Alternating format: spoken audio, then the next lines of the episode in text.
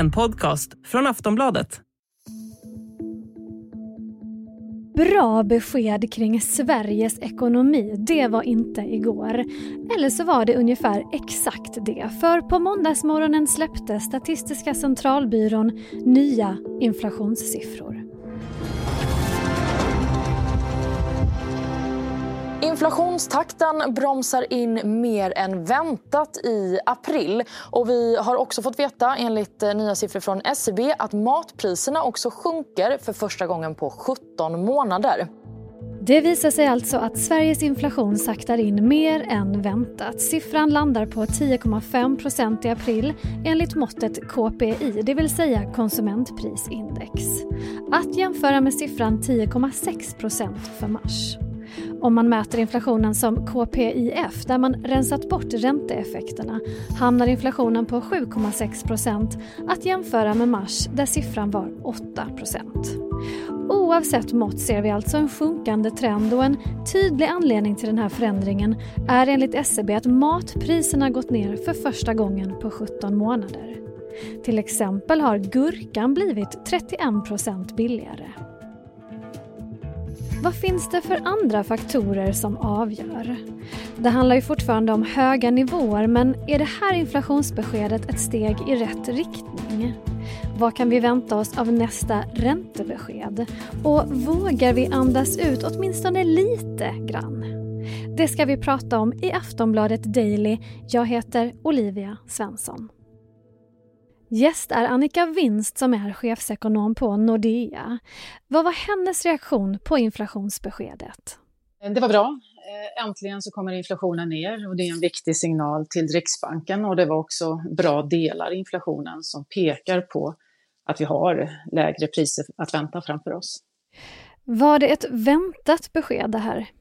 Eh, både ja och nej, skulle jag vilja säga. Nej i bemärkelsen att vi kanske inte riktigt trodde det skulle komma den här månaden, men att inflationen ska falla snabbt de kommande månaderna, det ligger i prognosen.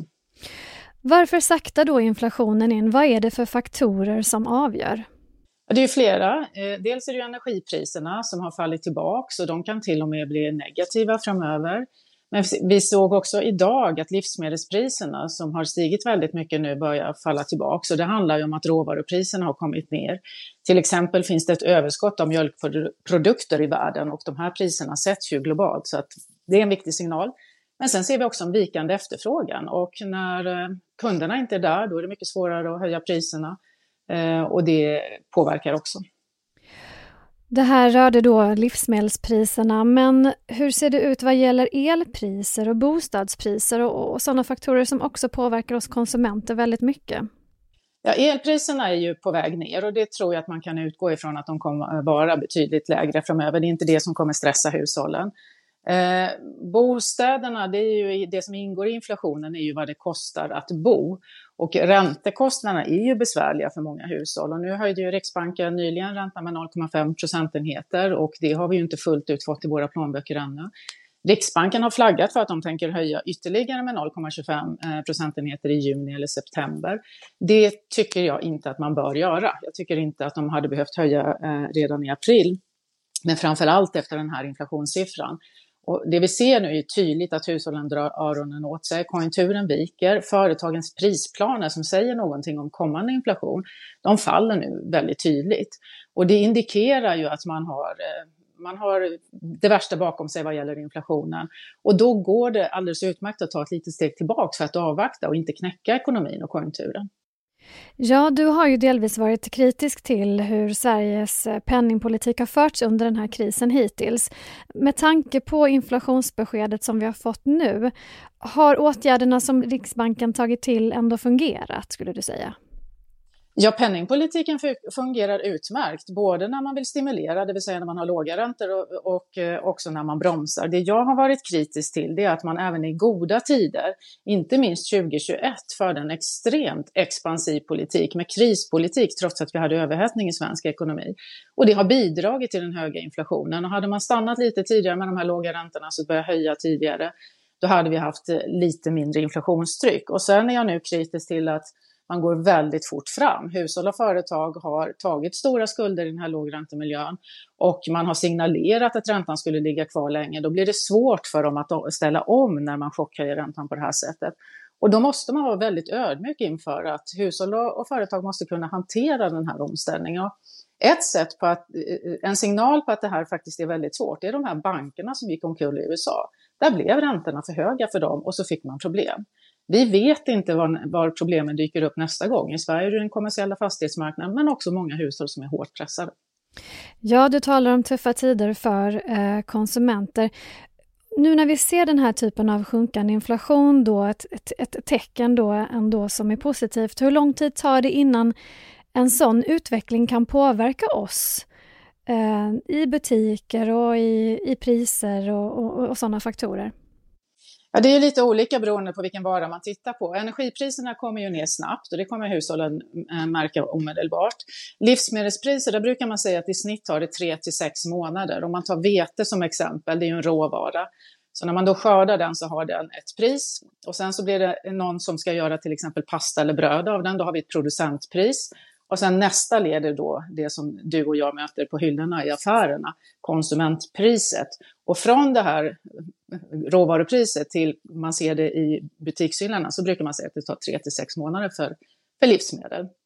Men sen finns det ju många andra varor som tar längre tid och sen ska man också komma ihåg att mycket av det som vi konsumerar i Sverige idag är ju importerat och då påverkas vi också av den svaga kronan som gör det dyrare för företagen att ta hem varorna och det priset behöver vi ju betala som konsument. Så att hushållen måste inse att även om inflationen har toppat så kommer den fortfarande vara hög, det vill säga en vara som, som kostar 100 idag, den kostar 110 om en månad och 115 om ytterligare en månad och 120 om månaden efter, även om det skulle visa sig att inflationen fortsätter ner under alla de här månaderna. Så att dyrare att konsumera kommer det att vara.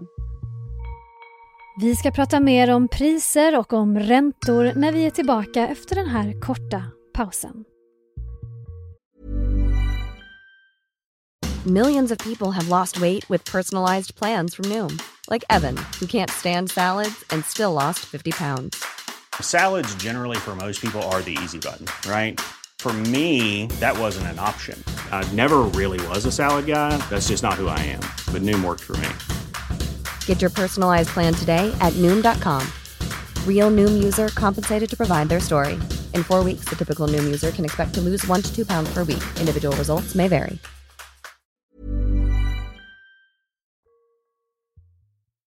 Det har samtidigt talats lite grann om prisraset på gurka till exempel.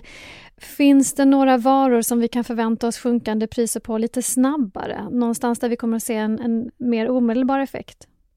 Jo, det gör det absolut. Och om man tar livsmedelspriserna så är det ju inte minst då mejeriprodukter där vi har ett överskott i världen som gör att eh, då faller priset snabbt. Och mejeriprodukter har ju varit väldigt dyrt eller har gått upp mycket. Och många upplever att det har varit dyrt och det använder vi ju mycket och det ser man också att det används ju väldigt frekvent i restaurangbranschen. Så det kan ju också påverka det vi köper när vi handlar på restaurang. Så att det finns absolut priser som är mer påverkbara än andra. Och sen kommer det också finnas priser som fortsätter upp för att det fortfarande är brist eller stökigt i de marknader där, där man handlar om. Du talade om räntebeskedet från Riksbanken då. Nästa besked kommer den 29 juni. Vi har ju eh, sett eh, idel höjningar nu senaste tiden.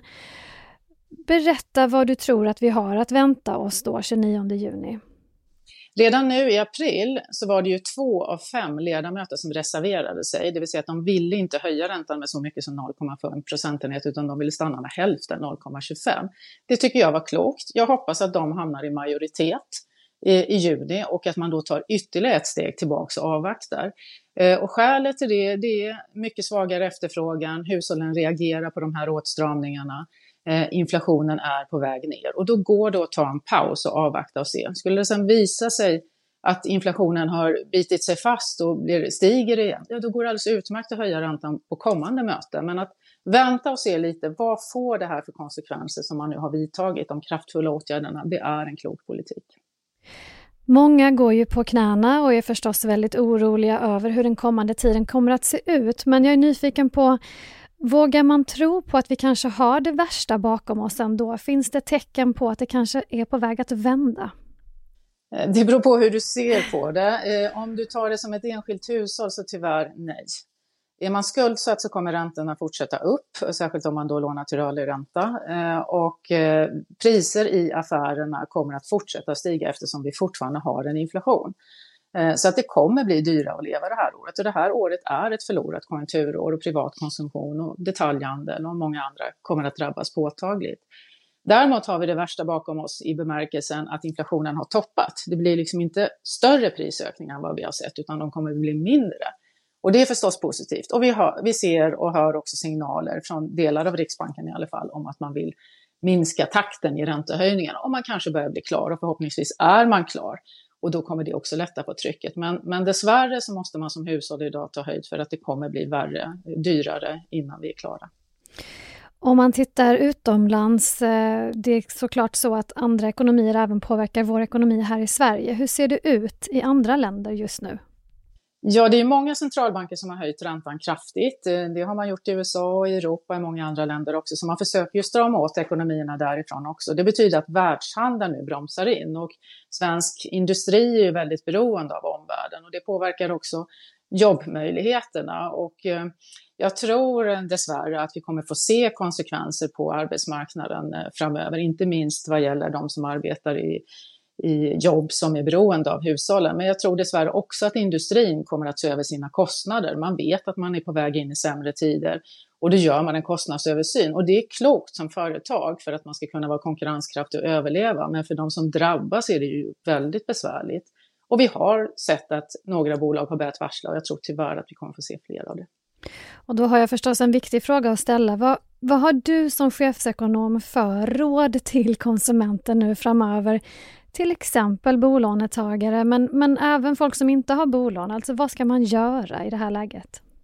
Om man är bolånetagare och sitter med rörlig ränta eller tremånadersränta som, som vi kallar den, så tror jag nog att det är klokast att sitta still i båten och försöka bara hantera de utgifter som kommer i närtid. För min bedömning är att konjunkturen kommer att bromsa så mycket att Riksbanken kommer sänka räntan i början av nästa år. Eh, det betyder inte att det kommer bli billigt att låna och absolut inte lika billigt som det var innan det här började, men det kommer lätta lite på trycket. Och därför är det klokt att försöka liksom bara hantera det här. Men det betyder att då behöver man sätta av pengar för att klara de högre räntorna som eventuellt kommer. Och, och det kan vara svårt när man redan idag har små marginaler. Vad gäller konsumtionen så ja, man får vara ännu noggrannare än vad man handlar eh, och man får försöka spara så mycket man kan. Har man möjlighet att sätta av pengar till, till en buffert så är det klokt. Vi har levt över våra tillgångar och det har vi gjort för att det har varit i stort sett gratis att låna pengar. Nu är det inte det längre och då måste vi tyvärr rätta mun efter matsäck. Och det är en tuff och jobbig resa som vi har framför oss. Eh, men det är spara och gneta som, som gäller tyvärr. Och hur ska man tänka med amorteringar? Har man möjlighet att amortera när räntorna är på de nivåerna de är idag så är ju det klokt. Då lättar man ju lite grann eh, på trycket. Men tyvärr är det ju många som nu är stressade av att de har så höga kostnader så att de inte riktigt klarar av att öka sina amorteringar eller amortera extra. Och, och då får man helt enkelt bara sitta still i båten. Men däremot när vi kommer ur det här, då är det klokt att försöka ta ner sina skulder så att man inte hamnar i den här stress-situationen igen som är väldigt påfrestande. Att ha en ekonomisk stress i en familj, det är det är påfrestande för alla. Eh, och, och, eh, det gäller då att försöka eh, kunna ha bättre marginaler helt enkelt och inte vara lika utsatt för risk. Då tackar jag dig Annika Winst, chefsekonom på Nordea. Tack så mycket. Jag heter Olivia Svensson och du har lyssnat på ett avsnitt av Aftonbladet Daily, Sveriges största nyhetspodd. Vi hörs igen snart. Hej då!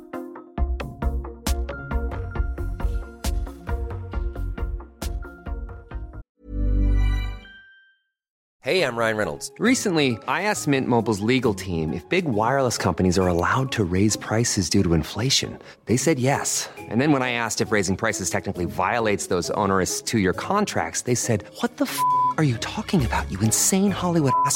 So to recap, we're cutting the price of Mint Unlimited from $30 a month to just $15 a month. Give it a try at mintmobile.com slash switch. $45 up front for three months plus taxes and fees. Promo for new customers for limited time. Unlimited more than 40 gigabytes per month. Slows. Full terms at mintmobile.com. Du har lyssnat på en podcast från Aftonbladet. Ansvarig utgivare är Lena K Samuelsson.